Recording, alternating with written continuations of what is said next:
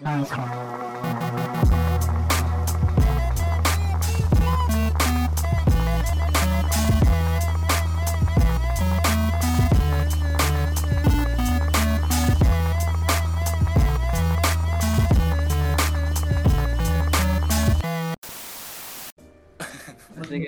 ya gue personally ini Jan gimana? blog gue roadblock gue untuk untuk mengapresiasi musik lokal tuh kadang-kadang gue ngeliat kolektor kolektor musik Indo.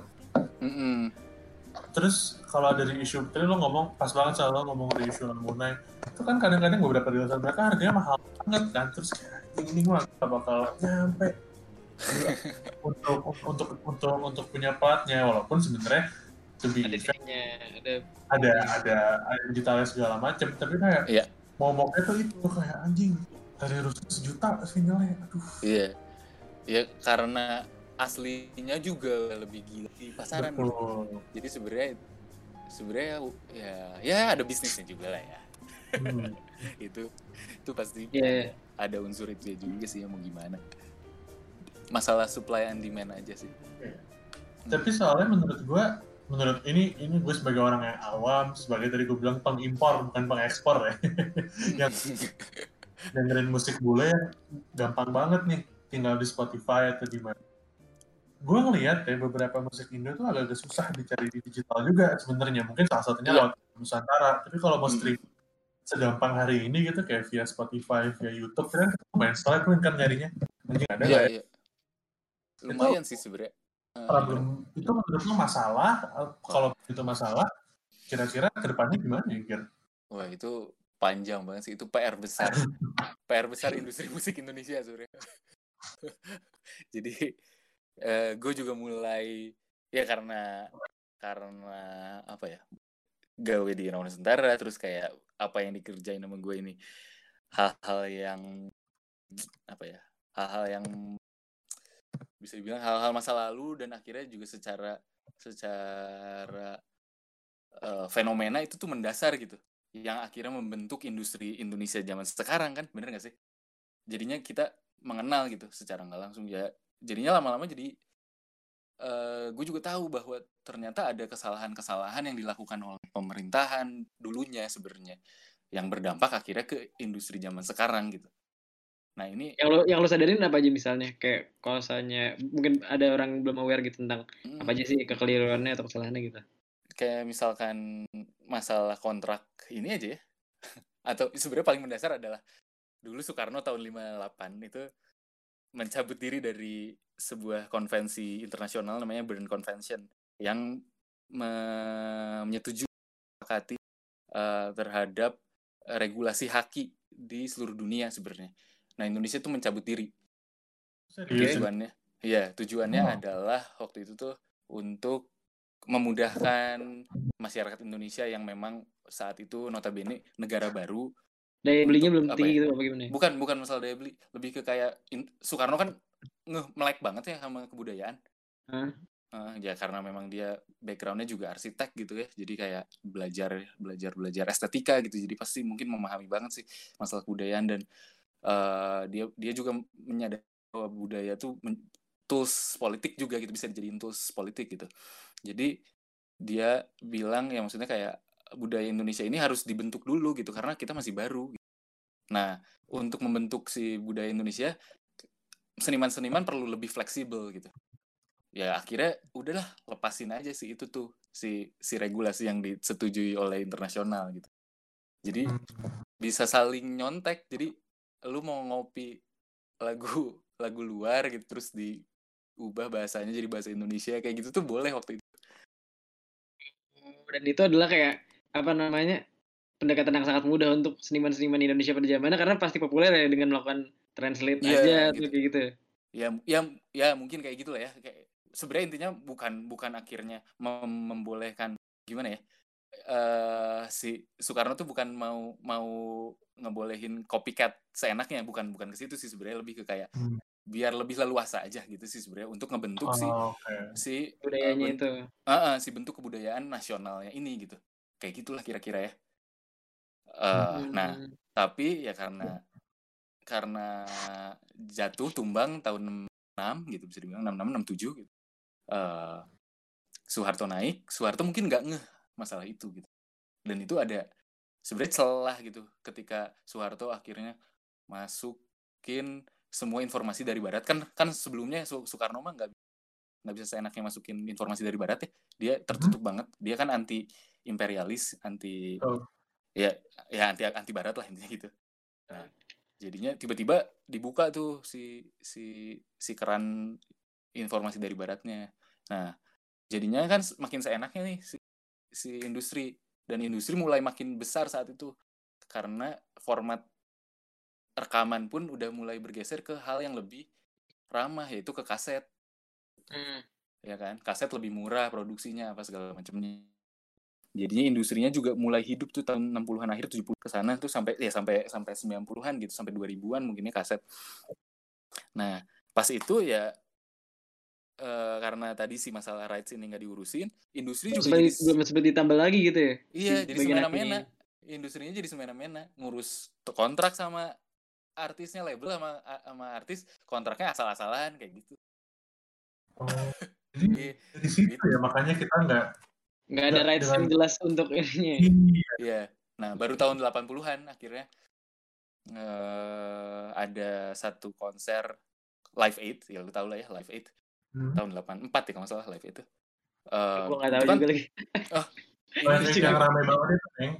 Live Aid yang yang ada di film Bohemian Rhapsody lah lu oh, yeah, paling gampang panggung yang terakhir ya yeah, okay. itu re reuninya si Queen tuh ya di okay. Live Aid ya jadi bukan reuni sih kembali apa returnnya si returnnya si Queen tuh di Live Aid itu tuh kan sebenarnya uh, konser donasi untuk konser charity untuk orang-orang Afrika tuh okay. nah uh, tiba-tiba di Indonesia konsernya di style live di TV tapi sama pedagang bukan pedagang sama label-label label-label gurem direkam. Jadiin bootleg bootleg ini jualin. Serius? Hmm. kayak gitu. Itu Bob Geldof Bob Geldof yang bikin si itunya si ya, dia musisi juga. Uh, bandnya apa? Boomtown Rats ya kalau salah. Uh, ya pokoknya si Bob Geldof ini uh, menuntut ke pemerintah Indonesia loh waktu itu karena, pemerintahnya. iya, langsung pemerintahnya yang dituntut. Jadi ini nggak bisa kayak gini. Ini tuh kita ngadain ini aja, kita nggak dapat untung sama sekali, tapi lu menguntungkan. Gitu, kayak gitu. Oh iya, cara-cara di orang nggak dapat duit, eh, iya, eh malah di, iya. oh iya. Sementara sama orang Indonesia itu diuntungin, dikomersilin gitu. Oh. Bahkan rekamannya aja nggak ada, maksudnya rekaman, rekaman iya, iya. konser live Eight-nya aja itu tuh kan belum dirilis gitu mungkin gitu kayak gitu semacam semacam belum dirilis di Indonesia udah ada duluan gitu. Gila kan itu. Nah itu dituntut akhirnya mulai itu dari situ mulai ketar ketir pemerintahnya ngurusin rights cuman udah terlambat bayangin aja dari tahun 50-an akhir sampai banyak lagu yang tahun eh, 80 gitu lu bayangin. Dan udah mengakar kan ke industrinya. Industrinya udah iya. punya udah punya kerajaannya masing-masing gitu kan kayak udah yeah. kebiasaan bootlegnya. Iya ada kerajaan glodok gitu yang emang harus yeah, ditebus yeah. gitu, gitu ya. Itu itu yang jadi PR besar sih. Jadinya mau nggak mau ya kontrak segala macam nggak bener. Yang rembet sampai ke sini ya sampai mungkin sekarang udah mulai mendingan lah ya. Hmm, tapi sekarang yang mendingan lah. ya sekarang mendingan masih lebih mudah soalnya tapi yang sekarang ya. gitu. Yang sekarang yang dulu dulu masih ketinggalan tuh. Itu yang dulu dulu belum beres sebenarnya gitu mungkin udah lumayan beres kalau misalnya yang kayak label-label lama tapi masih eksis sampai sekarang kayak musika gitu. Lu bisa cek di Spotify itu lumayan lengkap. Dibilang lengkap enggak, tapi ada gitu. Itu lumayan lah. Cuman gue juga ya, ya gitulah ya gitu. Maksudnya kayak ada gitu-gitu ya. Itu terus jadinya juga ya kan sebenarnya bagusnya kan ya kayak di luar lagu-lagu tahun 60-an, lagu tahun 50-an, lagu tahun berapapun gitu yang emang ada demandnya di digital remastered gitu. Yeah. Iya. Per berapa tahun sekali bahkan ya mereka ya melakukan oh. itu.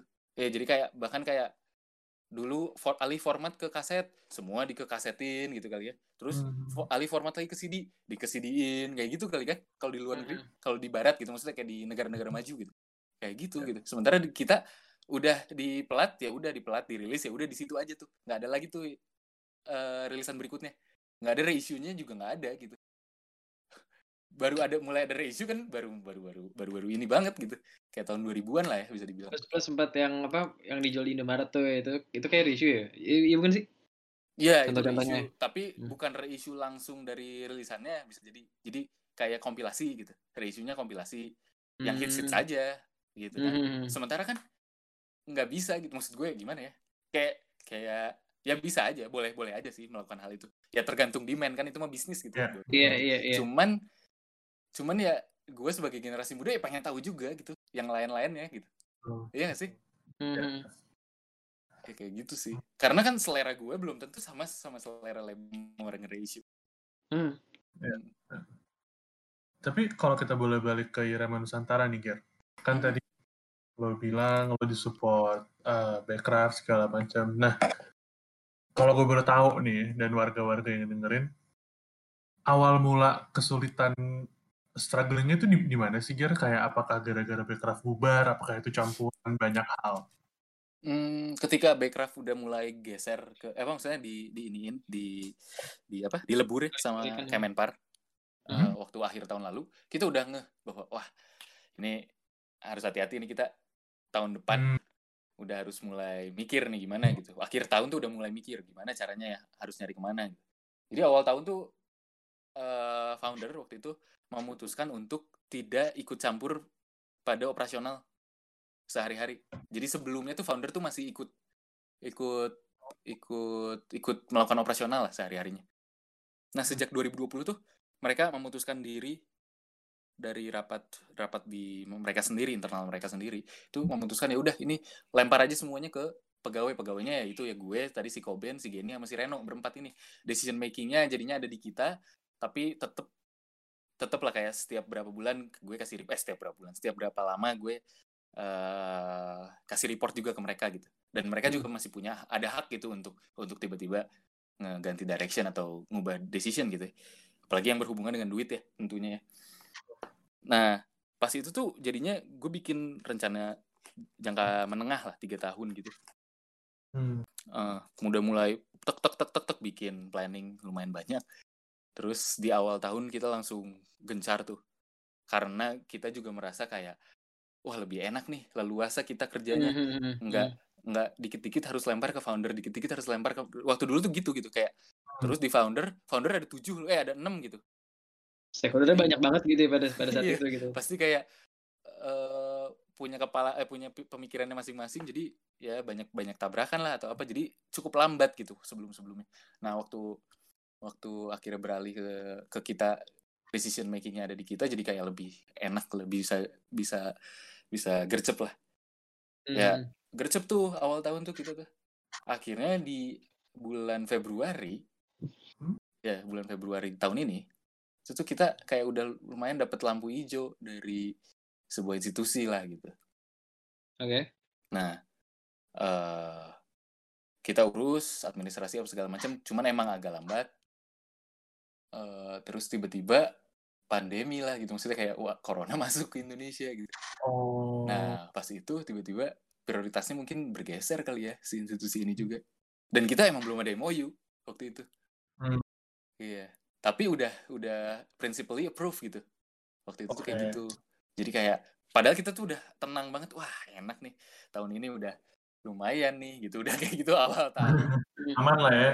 Iya, udah ada angin segar nih gitu. Jadi kita udah udah seneng sih. Lumayan gitu. Eh, tiba-tiba kayak gitu. Hancur sih udah langsung. Gue sempat bikin lagi beberapa program. Kita aju eh kita maksudnya kita bikin pro- eh, kita bikin beberapa pro, eh, ajuan ada satu sih sebenarnya satu program kita lempar ke beberapa institusi susah juga ketika saat pandemi gitu. Udah udah udah udah ribet ya maksudnya udah lagi wabah kayak gitu semua juga pasti memprioritaskan masalah kesehatan gitu masalah Oh. nyawa gitu. Iya iya. Iya. nggak sih? Dan kita pun memaklumi itu gitu. Iya sih? Kayak ya iya Iya. sih emang mau gimana gitu. Nyawa lebih penting daripada musik gitu ya nggak sih? Jadi ya ya Benar. udah. Akhirnya sampai akhir Mei akhir Mei ya founder bilang "Eh, wah ini gila sih kita bensin kita udah tinggal sebulan loh gitu. Mereka bilang kayak gitu. Wah anjir pusing kayak gue itu. Kayak semua pusing lah ngedenger ngedenger eh, apa berita itu. Terus ya udah akhirnya kita kayak apa yang harus kita yang bisa kita lakukan? Akhirnya kita mikir kita udah nyoba juga ke berbagai institusi untuk nyari minta duit tapi nggak nggak bisa juga ya berarti mungkin salah satu caranya adalah kita crowdfunding aja kita kita announce ke publik kondisi kita seperti ini ya kalau misal gitu memang publik suportif gitu dan memang masih bisa membantu kita ya alhamdulillah tapi kalau misalnya enggak ya ya udah gitu. Mungkin perlu perlu vakum dulu gitu waktu itu gitu mikirnya.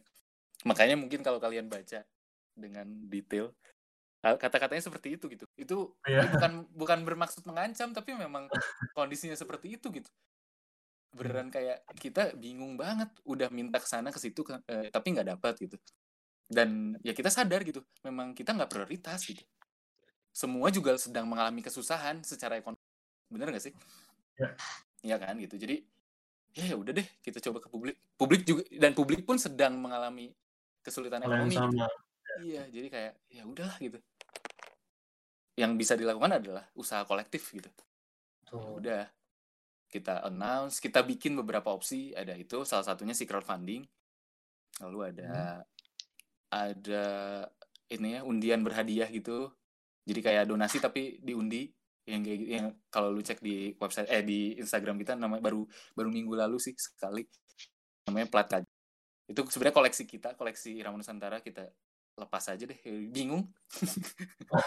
Iya kan udah udah saking bingung ya udah kita lepas aja. Terus kayak um, pengen share kantor waktu itu karena kebetulan memang udah kita bayar setahun sewanya. Jadi aset kita aja yang bisa di bisa kita manfaatin ya kita manfaatin. Misalnya share kantor sewain ke siapa gitu. Kalau kalian misalnya butuh kantor boleh boleh tuh. Terus terus satu lagi kita ini kita ajuin program terbuka ke publik. Siapa pun yang mau ikutan men, tapi mungkin sebagai ya kita belum tahu sih formatnya akan seperti apa model bisnis seperti apa. Tadinya kita berharap waktu kemarin awal pandemi itu kan kita sempat bikin bikin program tuh yang tadi gue bilang kita lempar ke beberapa institusi. Itu tuh untuk menanggulangi si masyarakat yang terkena ini ya terkena terdampak covid secara ekonomi gitu terutama ya pelaku-pelaku musik pelaku-pelaku ekonomi eh pelaku industri kreatif gitu. Ya. nah kita mau coba manfaatin mereka yang susah mendapat pekerjaan untuk ngerjain pengarsipan ini gitu. Nah oh, okay. tapi duitnya nanti dialirin dari institusi gitu. Institusi apa gitu misalnya. Kayak gitu sih waktu itu rencananya. Nah karena gagal ke beberapa institusi kita propose kita gagal kita buka aja secara umum siapa yang mau gitu siapa tahu ada donatur yang tiba-tiba kepikiran mau buang duit mau bakar duit atau gimana mau, mau ya mau bakar duit silakan atau mau mendonasikan uangnya gitu yang sudah lumayan ini pahala double satu buat menyelamatkan musik Indonesia, satu juga menyelamatkan mereka yang terdampak COVID dua kali kena gitu. Betul. Tapi ya belum ada sih sampai sekarang. Oh, belum ada. Tapi so, so far dari tadi yang lo bilang, ini kan berarti bisa dibilang usaha kolektif kan, seperti yang lo bilang. Hasilnya gimana so far? Apakah kalian bisa selamat untuk berapa bulan atau gimana? Iya, jadi waktu kita announce campaign ini, yang maksudnya kayak kondisi kita ke publik, kita ya gimana ya, gue juga entah karena tergesa-gesa ya, kayak, kayak maksudnya kayak emang emang udah ketar-ketir gitu, nggak mikir tuh waktu itu tuh kita pakai satu kantong donasi yang kita tuh udah buka dari bulan Februari. Nah itu gue lihat tuh. Iya, kalau perhatiin pas awal-awal kita announce, kalau lu buka kita bisa.com-nya kita, itu tuh target cuma 50 juta kalau lu lu cek hmm. kayak kecil banget kan gitu kayak anjir apa apa nih maksud Nusantara kecilnya kecil banget nih gitu si si targetnya gitu. Nah itu tuh sebenarnya kita publish bulan Februari ketika kita udah dapet kita udah dapet lampu hijau dari si institusi yang tadi menjanjikan ada ada pendo apa ada ada duit. Uh, daripada kita pasif kita mikir kayak ah ya udah deh coba aja buka di kitabisa.com gitu. Uh, dengan target yang nggak usah muluk-muluk banget. Cukup pengerjaan pengarsipan digitalisasi tapi satu bulan aja dulu gitu. Satu bulan tuh kita bisa dapat 100 sampai 150 rilisan biasanya. Jadi kayak ah ya udah deh 100 rilisan aja. Itu tuh kalau dihitung itu tuh butuh operasionalnya sekitar 50 juta. Gitu. Oke. jadi yang pertama kali ya kalau kalian lihat di kitabisa.com kita itu tuh targetnya 50 juta itu tuh untuk itu untuk 100 rilisan doang. Nah itu Oh. achieve satu dalam satu malam kita shock Semalam. Iya. Iya, gue lihat tuh. sementara target target kita waktu itu kayak seminggu lah gitu kayaknya gitu karena waktu itu tuh kalau nggak salah si si kita bisa itu tinggal seminggu lagi Oh, untuk bisa achieve achieve 50 juta kalau kalau buletin tadinya ya. Iya. Udahlah seminggu gitu terus abis itu baru kita pikirin lagi nih strategi komunikasinya ke publik eh semalam dong gitu kayak anjir bingung lagi gue anjing. Anjing harus bikin apa nih anjir? Harus ngomong apa nih ke publik gitu kayak. Ya udah akhirnya achieve semalam lumayan. Achieve si itu sebulan ya kita bisa napas juga sebulan. Nambah sebulan nih. Lalu kalian update lagi ya. Ini gue gue terakhir lihat memang udah ada campaign baru ya. Iya, akhirnya kita campaign, eh kita kita kita develop lah, kita kembangkan si si campaign itu. Jadi untuk sampai tahun ta- setahun inilah sampai akhir tahun gitu.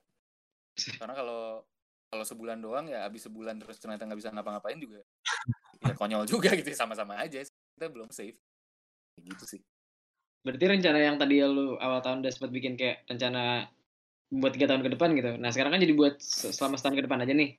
Nah itu gimana rencana lo? Mungkin biar orang-orang Iya. yang eh, mau mau bantu atau mau kontribut bisa kebayang nih zaman Nusantara mau ngapain aja sih setahun ke depan gitu.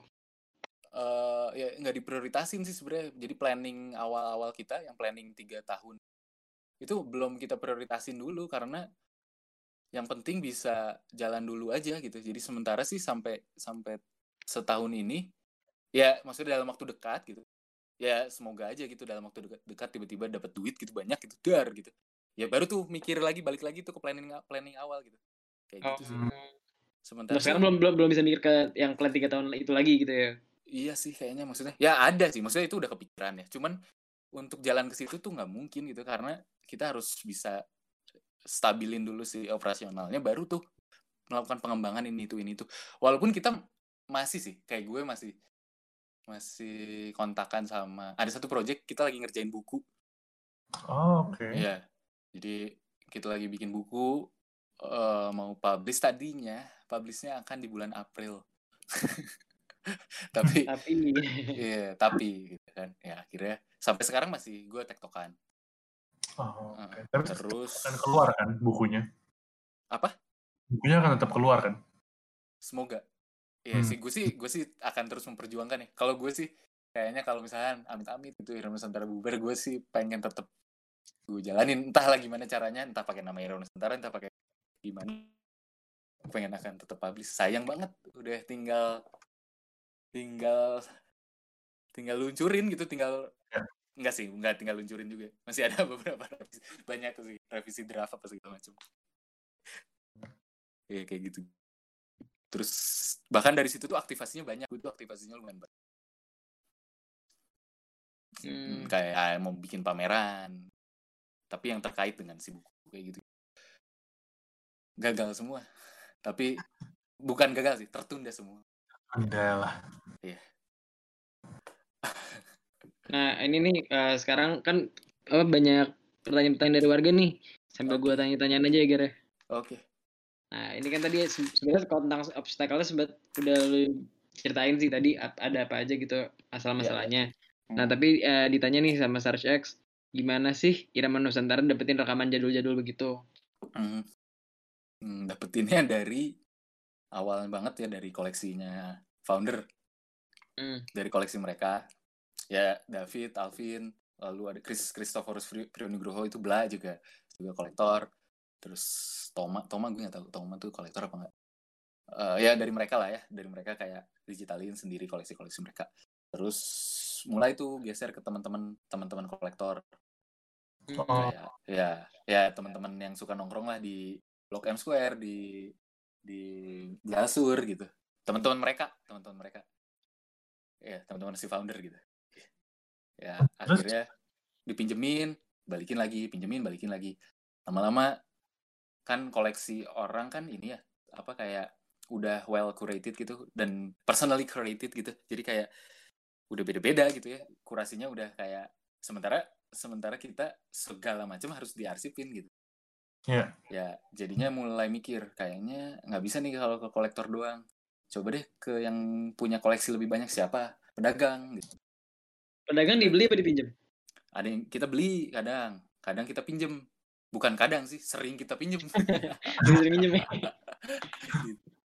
Eh, terus eh, kita pinjemin ke mereka sampai akhirnya dapet dapet akses dari Backcraft waktu itu ke RRI itu itu sih Oh ini yang sempat ada, ada yang nanya juga nih tentang RRI nih.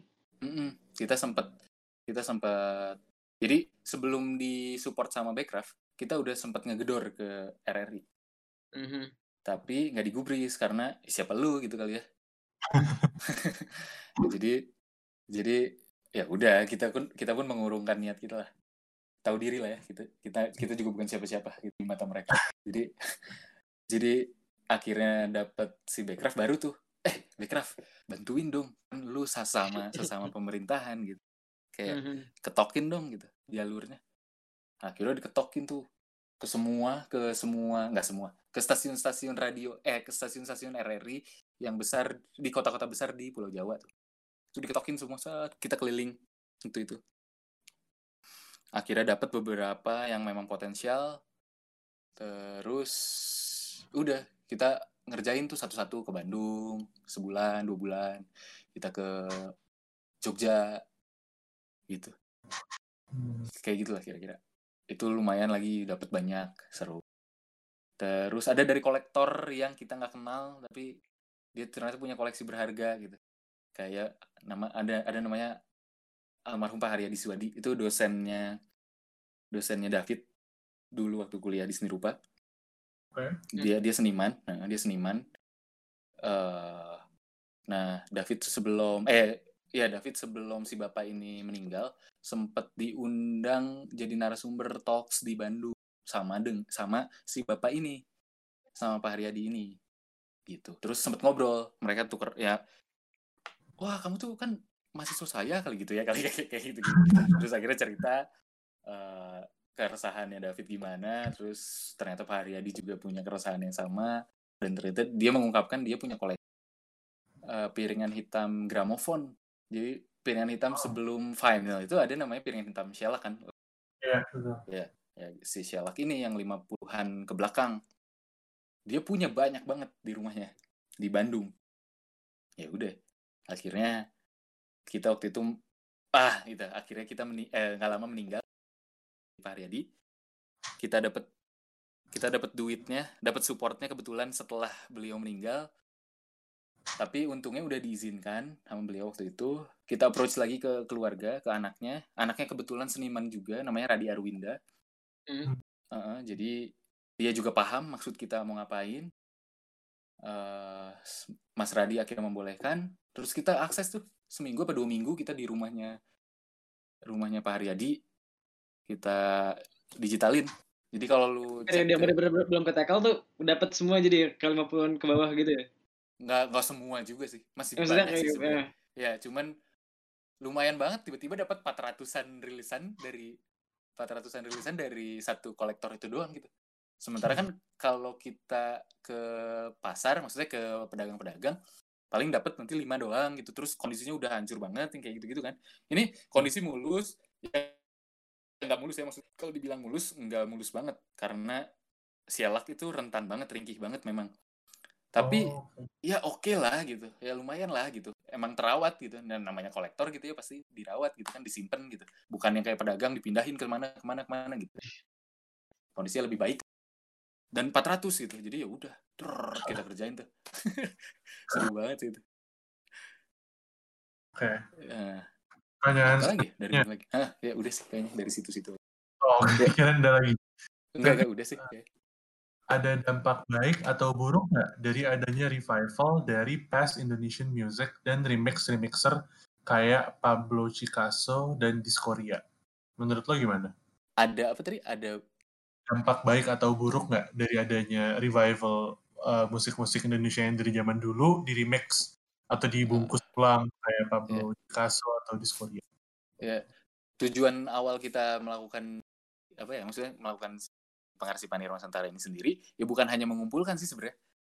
Memang hmm. pengennya ya menjadikan data-data ini sebagai sebagai referensi gitu buat generasi yang lebih muda lalu mereka mau menginterpretasi ulang atau apa ya itu tujuan jadi bagus banget kalau mereka melakukan itu. Tapi oh. tapi ya rights-nya kalau bisa memang benar diurus kalau memang lu mau nge, mau, mau komersilin gitu sih sebenarnya. Kalau gue sih itu ada, aja. ada aspek itu sih. Iya. Dan yang lo tahu biasanya diurus nggak rights-nya? Ada yang diurus ada yang enggak gitu. Oh, okay. ya. Ya tapi kan gue juga maksudnya Irawan Nusantara juga bukan orang yang berhak untuk menuntut gitu. Jadi nggak bisa oh. ngapa-ngapain gitu yang berhak menuntut itu adalah yang punya hak terhadap hak cipta gitu terhadap terhadap si rilisan itu misalkan lagu Benyamin gitu yang nyiptainnya Benyaminnya sendiri gitu di cover sama uh, musisi Anu gitu ya hmm. ya keluarga tapi nggak diurus tuh rights-nya misalnya ya keluarga Benyamin berhak menuntut gitu Betul. Ya kalau kayak gue sih nggak bisa ngomong itu. Gitu. Ya cuman ya bisa nge-sounding aja. Ya hati-hati lu gitu kalau mau komersilin sesuatu gitu. Kayak gitu sih. Soalnya lo nggak ada hak ya. Tapi sebenarnya itu hal yang penting sih untuk lo ngurus rights ya. Apalagi kalau ya. lo cover-cover gitu. Oke. Okay. Ya. Bayangin aja sih. Bayangin aja sih karya lu terus di di komersilin sama orang lain gitu. Ya bayangin gitu aja sih sebenarnya. Kayak lu ngegambar terus gambar lu jual tapi sama orang lain oh. kesel gak sih kayak anjing gue yang susah-susah kok dia yang dapet duitnya gitu kayak kan kayak gitu Klien gue selama ini diurus sebenarnya mostly. Soalnya kan gue kira aksesnya ada kan. Kalau sesama Indo mungkin gampang dicari lah. Tapi ternyata tidak selalu diurus ya. Iya nggak semua kok. Hmm. wow. setahu gue ya, oke. Okay. ini ada yang nanya lagi nih. Topa Togu dengan dimergernya Backcraft sama pariwisata jadi Kemenparekraf, apakah proyek proyek kalian dengan Backcraft sebelumnya benar-benar discontinue dan apakah Kemenparekraf yang baru ini sudah berhubungan dengan kalian? Hmm, kita sempat propose lagi ke mereka, hmm. tapi belum ada ini sih belum ada respon sih. Kita Sampai... juga sempat follow up masalah yang Hello Dangdut gitu ya misalnya. Kita sempat follow up loh. Tapi, tapi si si pejabat-pejabat yang megang program Hello Dangdut ini tahun di tahun lalu di Backcraft itu udah tidak tidak bertanggung jawab terhadap uh, program ini gitu. Gimana sih? Kebayang sih? Maksudnya oh. dia pindah divisi gitu. Jadinya juga dia nggak bisa nggak bisa maksain. Maksain. Iya kayak gitu gitu biasalah pemerintahan ya. Mm -mm. tapi di, mereka orang-orang itu ya yang yang pejabat-pejabat yang yang waktu itu kerja bareng sama kita asik-asik loh. Oh ya? Iya, ya gak tahu ya. Maksudnya sejauh kita kerja ya asik-asik sebenarnya. Bahkan ya kayak gue jalan bareng ke Jepang gitu sama mereka, ya seru-seru aja gitu jalan-jalan gitu. Oh, kirain ya. resmi-resmi gitu formal om Terus enggak seru kok mereka. Terus oh. kayak uh, waktu kita follow up juga ke mereka gitu. Mereka tuh masih support ke kita gitu. Cuman ya oh, udah oh, nanti coba coba kita sounding ya saya sounding lagi ya ke bagiannya gitu. Karena saya tuh nggak bisa udah nggak punya wewenang di situ gitu kayak gitu. Tapi mereka beneran pengen ayo dong gimana caranya? Kayak gitu. Kadang mereka yang nanya gitu sekali-kali itu pernah. Iya. Terus orang-orang ya. ini kan ke mana ya kayak pindah ke instansi lain atau tetap di Kemenparekraf tapi beda ada, divisi? ada yang pindah ke instansi lain ada yang pindah divisi.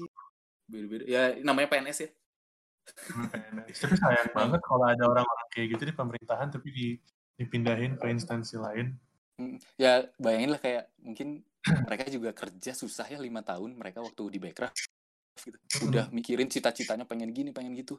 Terus tiba-tiba cita-citanya nggak kecapai gitu. Jadi ya kesel juga ya. Maksudnya mereka pun udah punya rasa kepemilikan yang besar gitu sama si programnya, bener gak sih? Iya. Yeah. Iya. Jadi mereka juga sangat suportif sih sebenarnya gitu. Ya cuman regulasi sih sebenarnya sistem dan regulasi yang bukan bukan orangnya gitu ya. Jadi kita harus sadar itu sih sebenarnya dengan dengan pemerintahan kita ya. Ini ini di luar dari dari Irama Nusantara tapi dari apa yang gue rasakan selama bekerja dengan pemerintah itu sebenarnya sistem sama sama regulasinya yang bobrok sebenarnya bukan orang-orangnya. Orang-orangnya ada ya yang saya ada aja ya pasti ya, secara personal ya itu balik lagi ke setiap orang ya pasti ya. Hmm. cuman maksudnya nggak nggak sedikit juga gitu. Eh, pejabat-pejabat yang seru gitu sebenarnya dan punya visi yang bagus sebenarnya gitu. Itu sih sebenarnya. Regulasinya ya ternyata. Regulasi dan sistemnya yang emang bobrok banget sih menurutku. Hancur-hancuran sih gitu. wow. Ini pertanyaan selanjutnya nih dari Kidney Spears Oke. dalam mengapresiasi musik Indonesia ke depannya Irama Nusantara bakal bikin festival atau gig nggak? Atau terus fokus dalam digitalisasi? Ya yang pertama sih pasti di di digitalisasi sih ya. Nomor satu ya? Digitalisasi mm, no, itu nomor satu kita sih. Itu core core core apa sih Irama Nusantara ya memang di situ aja.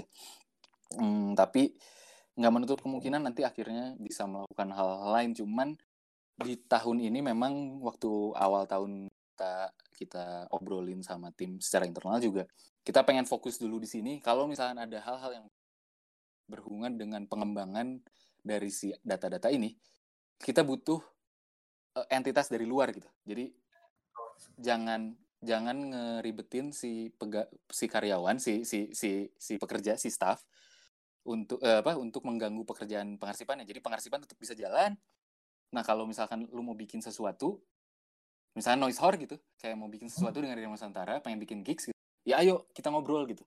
Tapi penyelenggaranya kalian ya kita bantuin di programnya kah atau kita support di mananya gitu.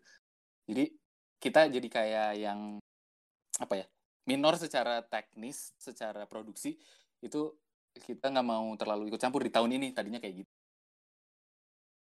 sebenarnya balik lagi kayak yang lo bilang tadi ya bahwa Irama Nusantara nggak bisa berdiri sendiri harus ada pihak luar Iya. yang iya saling membantu karena memang tujuan kalian utamanya kan digital- digitalisasi bukan Iya. bukan bukan promotor atau bukan organizer gitu. iya betul sekali Oke.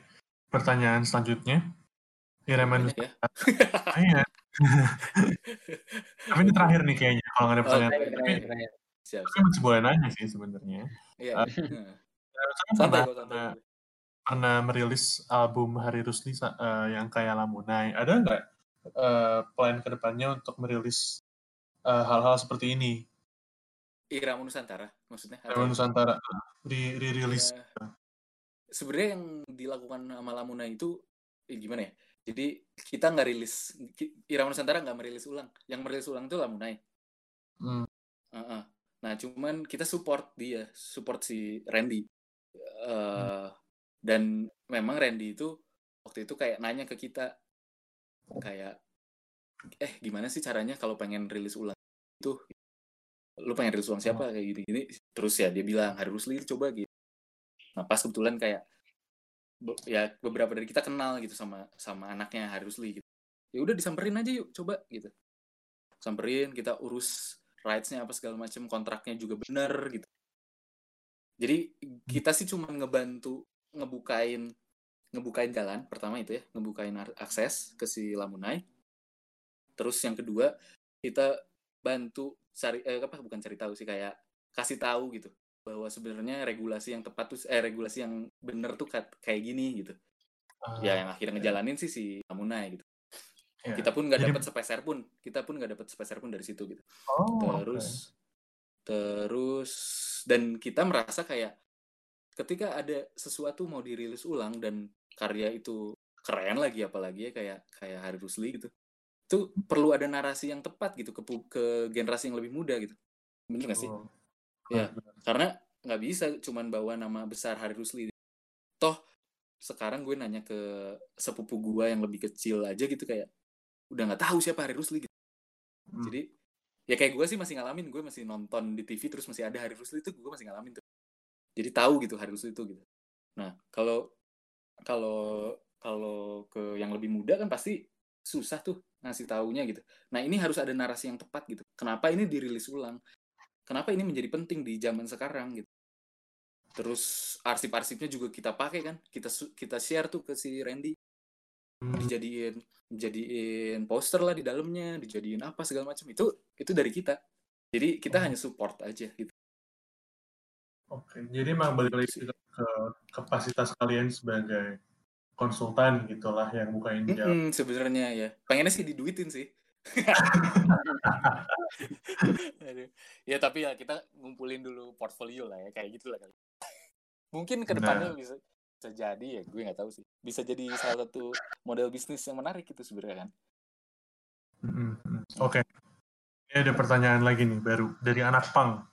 oh Sorry, tambahin dikit dong. Kira-kira ke depannya Lamunai atau mungkin di sini maksudnya eh, Irama Nusantara mau ada platform atau aplikasi nggak buat ngelihat karya-karya yang sudah digarap atau minimal di karena kan mungkin yang tadi dibilang banyak yang nggak tahu Hari Rusli contohnya. Hehe, Di, makasih. di website kan? Apa gimana sih? Bukannya di website udah ada itunya buat Iya. platform kita. iya sih Tapi- sebenarnya sekarang eh, ya gimana gimana lu dulu deh Nah, tadi gue mau bilang sebenarnya website ada sih memang, tapi kayaknya anak zaman sekarang bahkan mungkin itu ini gue kali. Kalau Hmm. untuk main di website tuh agak-agak ribet. Misalnya di HP ya, selalu dengan di website. Kan kalau lo quit website kan hilang tuh. Apa lagunya kan suka berhenti. Gue nggak tahu kalau Hmm. HP orang lain atau atau Ya, ya. atau saya dan gue yang katro. Sebenarnya ya, mungkin maksudnya di sini kayak dimasukin ke sebuah aplikasi. Web sih memang sudah cukup ya. Tapi kalau gue boleh nambahin pertanyaan ini ya lebih ke, jadi gue bilang Spotify atau kayak hal-hal yang lebih accessible streaming wise. Jadi kayak gue bisa dengerin uh, rilisan-rilisan uh, Irama Nusantara yang sudah digitalisasi dengan santai gitu kan. Sekarang gue bisa dengerin Irama Nusantara harus gue nawa itu kan nih buka website-nya, play, kayak gue dengerin nih, fokus. Gue pengen Ya. sambil di mobil atau kayak sambil tiduran gitu. Jadi ya Hmm. buat buat itu sesuatu yang less formal lah kayaknya. Hmm. Kalau gue Kalau itu tuh sebenarnya ya bener sih. Gue jujur eh apa ya merasa si website kita juga. Ya pertama platform kita ada di website bener satu. Tapi yang kedua bener juga gitu kata lu tadi. Kalau bahkan dari mobile pun eh kita nggak mobile friendly lah si website kita tuh belum mobile friend- friendly gitu. Ya nggak sih? Kalau lu coba cobain buka website di HP itu kayak aja masih gak enak interface-nya. Interface itu Ya. berantakan banget sebenarnya sejujurnya gue. Eh, itu kita pengen develop tadinya rencananya di akhir tahun ini untuk seenggaknya Hmm. mobile friendly gitu. Bisa jadi mobile friendly. Terus eh nanti ke depannya juga pengen bikin apps. Tapi apps-nya tidak akan se se apa ya, se casual atau se entertaining Spotify atau digital platform lain karena kita bukan platform platform mendengarkan musik gitu. Bukan gimana ya, bukan platform platform komersil untuk mendengarkan musik gitu. Jadi kalau kita bikin apps kita jadi kayak Spotify gitu, katakanlah seperti itu gitu ya. eh jadinya kan seolah-olah kayak membuat itu sebagai hiburan. Ya beneran beneran kayak hiburan ya. Kayak lu beneran bisa streaming di mana-mana. Tadi yang kalau bilang kayak di mobil lu langsung tinggal sambungin bluetooth apa segala macam itu kan jadi kayak kayak apa ya sam ya jadi kayak komoditi gitu. Si musik itu jadi jadi udah kayak komoditi gitu. Nah ketika tingkatannya udah naik ke situ itu udah udah kita udah punya celah untuk bisa dituntut gitu benar sih. Iya, itu sih. Jadi kita pun sangat berhati-hati dalam untuk mau mau ngedesain si ngedesain si apps-nya nanti mobile apps-nya. Tapi akan akan dibikin sih kayaknya mobile apps-nya. Tapi bukan untuk tujuan yang tadi, untuk tujuan hiburan gitu, enggak. Nah, kalau tadi yang lu bilang ke Spotify, kita sebenarnya pengen banget sebenarnya untuk bisa aksesin ke sana. Cuman ngurus rights-nya itu banyak banget kan ya. Kebayang sih ribetnya. Iya. Iya, jadi koleksi kita sekarang ada 4000 something gitu. Ada 4100 hampir 4100 lah bisa dibilang. eh ada lagu lagunya ada sekitar 40 ribuan gitu. Nah, setiap lagu punya rights punya dua rights. Satu mechanical rights, satu master rights gitu. Nah, si dua rights ini bayangin berarti ada 80 ribu sekitar 80 ribu rights yang harus gue urus gitu.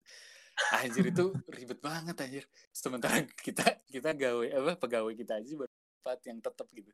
kayak gitu sih tapi dari dulu memang kita tuh ada kepengen bisa masukin semua apa data kita ini ke platform platform apa streaming yang secara komersil dan terurus gitu semua rights-nya ya pengennya segitu gitu tapi ya belum mampu sih untuk sekarang. Heeh. Tapi memang itu sih concern gue saat saat apa ya ngomongin ini jadi komoditi gitu lo bilang tadi memang pasti ujungnya karena kalian nggak punya rights ya kan. Iya itu. Right. Nah sebenarnya yang ma- yang mampu melakukan itu kayak record label atau artisnya langsung gitu. Iya. Ah, ketika ketika misalkan ya kayak Lamunai gitu, itu dia cerdik gitu, melihat ada celah, terus kayak ayo bantuin Irama Nusantara, bantuin kita, bantuin gue buat eh, masukin ke ke Spotify gitu. Dan dia pun urus gitu secara secara benar gitu si si royaltinya gitu. Ya kita support gitu, yang kayak gitu-gitu. Jadi silahkan kalau misalkan kalian ada yang mau bikin label, terus pengen reissue-reissue gitu, ayo ayo. Apa pun yang lagi dengerin sekarang atau nanti kalau lo mau buka label terus lo mau reissue jangan nunggu Lamunai atau siapa pun lo juga bisa kok sebenarnya Iya. Ya ribet sih tapi doable Ribet. lah. Ribet sih ribet sih. Ya ribet sih ribet. Tapi ya bener doable. Dan puas sih. Puas banget. Gue rasa soalnya lo bukan bukan bu- bukan berkontribusi ngeluarin rilisan tapi lo berkontribusi untuk apa ya membuat ini sebagai komoditi lagi gitu dengan dengan channel yang proper bukan bukan lo dengan apa ya bukan lo ngebajak juga kan. Ini lo iya ya gue nggak ngebajak Ngeprint duit lagi terus lo ngasih hal yang baru menurut gue itu Iya. penting sih. Dan kalau siapa pun yang ngedenger ada duit atau ada kemauan lo ngasih bisa DM Irama Nusantara atau di sini juga bisa lah ntar gue sampein ke Gary. Oke. Tapi ya jadi sebenarnya kalau kalau gue boleh simpulin masih panjang ya perjalanannya untuk oh ini tuh ini tuh pekerjaan tidak ada ujungnya gitu loh. tak mengenal ujung ya selama di Indonesia ada selama masih ada Indonesia dan selama masih ada musik di di dunia ya akan terus ada sih harusnya pekerjaan ini iya gak sih iya Hmm. soalnya sa- satu hal untuk digitalisasi, digitalisasi tapi hal lain untuk nyampein itu sebagai komoditas itu berarti satu layer pekerjaan lagi kan itu pun iya itu beda bisa. lagi hmm. Betul. Maksudnya tapi ini uh, uh, to some extent eye opening banget sih buat gua minimal. Gua nggak tahu danang dan warga yang dengerin. Banget banget. Kayak gitu apa ya semoga semoga bermanfaat nih Iya. obrolan yang ngalor ngidul ini. dan lo seru ngomongin seru seru ke pengimpor musik gitu loh Gert. Jadi apa? Ngomongin apa? Lo ngomongin hal kayak gini ke pengimpor musik gitu kayak gue sama Dan biasaan apa nggak apa-apa banget kayak manggil artis segala macem. Jadi kayak ini hal yang kita sama sekali belum tahu sebelumnya dan Hmm, mungkin hmm. banyak yang Iya, belum tahu juga. Atau kayak ada beberapa orang yang udah tahu tapi gue sih jujur buta banget dan gue baru tahu banyak informasi hari ini. Jadi thank you untuk waktunya Gary. Sama-sama jangan apa ya jangan menyesal ngobrol sama gue terus. Kalau mau lanjut kalau mau lanjut ngobrol ayo ngobrol di ke kantor atau kejanjian apa gitu. Nanti mungkin setelah gue balik ke Hmm. Jakarta atau misalnya mau, mau sama yang di Jakarta juga boleh. Ya. kalau misalnya kalian kepikiran "Oh, bisa ngapain ya? Bisa bikin ini ya? Atau apa ya? gitu. Yuk atau misalkan eh sekedar mau ngobrol-ngobrol doang ayo banget. Nggak masalah gitu.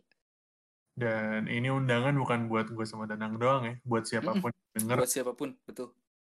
Balik lagi yang tadi gue omongin di awal bahwa sebenarnya kita tuh orang-orang di industri yang gue kenal mostly tuh terbuka banget lo sekedar DM lo sekedar email pasti diwaro karena sejujurnya kita butuh orang-orang baru kita butuh eh, Iya. output baru gitu lo Iya. jangan ya mungkin kalau lo nyapa langsung kayak tadi gue bilang mungkin aneh lah lo mungkin introvert gue juga aneh kali kalau disapa lagi nongkrong gitu Iya. sendirian tapi via email via DM pasti dibaca dan most likely dibales sih Hmm. Eh, ya sih ya maksudnya selama inline ya beda-beda lah balas apa enggak. Tapi most likely dibaca sih kayak gitu siap yang yang pasti sih. Iya. minimal dibaca dan most likely dibales. Kalau emang lo bisa mengkomunikasikan apa yang lo pengen dan lo pengen ngomongin ini ini. Bahkan lo nggak harus menawarkan kerjasama gitu. Kadang-kadang lo eh gue butuh input nih ini pasti dibaca dan most likely dibantuin lah. Mm. Soalnya industri industri ini kan mungkin kalau lo belum tahu industri ini kan duitnya dikit ya, jadi kayak nggak ada yang maruk. Maksud gue nggak ada yang maruk juga gitu, biasa aja. Semua orang pasti pengen bagi-bagi karena nggak ada duitnya juga, jadi nggak ada lah. Kayak lo takut ngomong Iya, abang-abang iya. lah teorinya takut lo Iya. ganggu lapak orang enggak lah lapaknya juga kecil orang-orang juga bodo amat banget Hmm. cuma ya kira-kira itulah episode kita hari ini Oke. gue Thank you Dan- banget. Danang Seru nih obrolannya. Jarang nih obrolan yang kayak gini nih. Jadi kalau sama lagi. orang mau bantu Irama Nusantara bisa gimana Ger? Mungkin sebagai penutup dari lo. Kalau mau bantuin Irama Nusantara bisa kontak ke kalau apa nih kalau misalkan punya duit bisa langsung donasi Ah, itu satu, itu satu.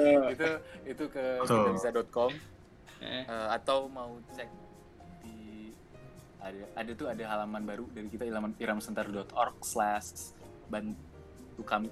Di situ ada lengkap kondisi kita se- sekarang lagi kayak gimana terus upaya-upaya yang kita lakuin tuh eh, kayak gimana udah kita kita arahin tuh. Nanti misalkan lu mau bantuin yang mana eh, diarahin ke mana gitu kayak gitu gitu sih. Terus misal mau bantuin yang lain-lain gitu misalkan eh, kalau ada yang mau volunteer ya? gitu tuh Tenaga. masih bisa nggak sih orang-orang? Mhm. boleh boleh banget Eh, ini aja apa di paling gampang ke sosmed ya tentunya ke sosmed kita atau ke in, itu ke info at iramanusantara.org ke email ya kalau mau lewat email Oke, oke. jadi Lagi hari ini ditunggu supportnya untuk Keramu Nusantara iya you jadi banget. lo nih mau ada yang Hmm. di push apa mau di apa ada yang mau dipromosiin? Promosi kan nggak ada sih. Apa ya yang perlu dipromosi selain kita bisa lo nggak ada gitu eh, Iya. udah sih kita bisa. Betul. ada program itu yang pelat kaget tadi. Hmm? akan itu ada di ada di Instagram? Apa di mana? ada di Instagram mulai minggu depan. Tapi minggu depan kita mau coba ke platform namanya Karya Karsa kayaknya. Oh, oke. iya. Ah, Bagus jadi tuh, akan dilempar ke situ. Kenapa? Bagus tuh gue juga make karya karsa. Oh ya lu pakai ya? Lumayan lah lewat situ. Jadi sementara sih sebenarnya sebenarnya jangka panjangnya pengennya di Karya Karsa pengennya kita bisa jual merch jual ya kayak gitu gitu semacam kayak jual merch ya. Kan donasi Hmm. sebenarnya tapi reward gitu dapat reward gitu kan. Rewardnya nanti ada merch ada apa. Nambahin bisnis model sih sebenarnya itu. Kayak lo bisa sustain sendiri juga ya nanti. Iya, iya, iya kayak gitu sih. Tapi sementara karena belum punya belum bisa produksi sesuatu jadinya kita pakai buat donasi dan ada undian tadi undian si plat itu. oke Ya. dari lo Nang, lo ada yang mau di push Kalau dari gue paling ya itu sih eh, karena ke- sekarang masih Juni kebetulan gue mau eh, share lagi ke teman-teman yang belum tahu atau belum sempet eh, baca-baca lagi kalau saya kita lagi buka apa namanya donasi buat tiga lembaga itu Eh, yang pertama tuh Yayasan Tunas Bakti Nusantara buat ngebantu ngebangun sekolah-sekolah di Papua Eh, yang kedua itu terima kasih dok buat ngebantu tenaga medis yang dari kemarin berjuang untuk melawan covid. Sama yang ketiga itu bagi data itu platform buat ngebantu orang-orang yang pekerjaannya terdampak karena covid. Jadi tiga itu lagi kita buka buat eh eh sam- selam- sampai Juni selesai gitu. Itu dari Nover sama Kudeta. Jadi ada dua itu sih. Eh itu aja maksudnya. Oke. Nice, nice, nice. Thank you semuanya udah dengerin sejauh ini. Thank you yang dengerin live atau yang dengerin di Spotify dengerin nyampe ujung. Eh, gue, Danang, dan Gary pamit dulu. Thank you. semuanya. Bye. Bye bye.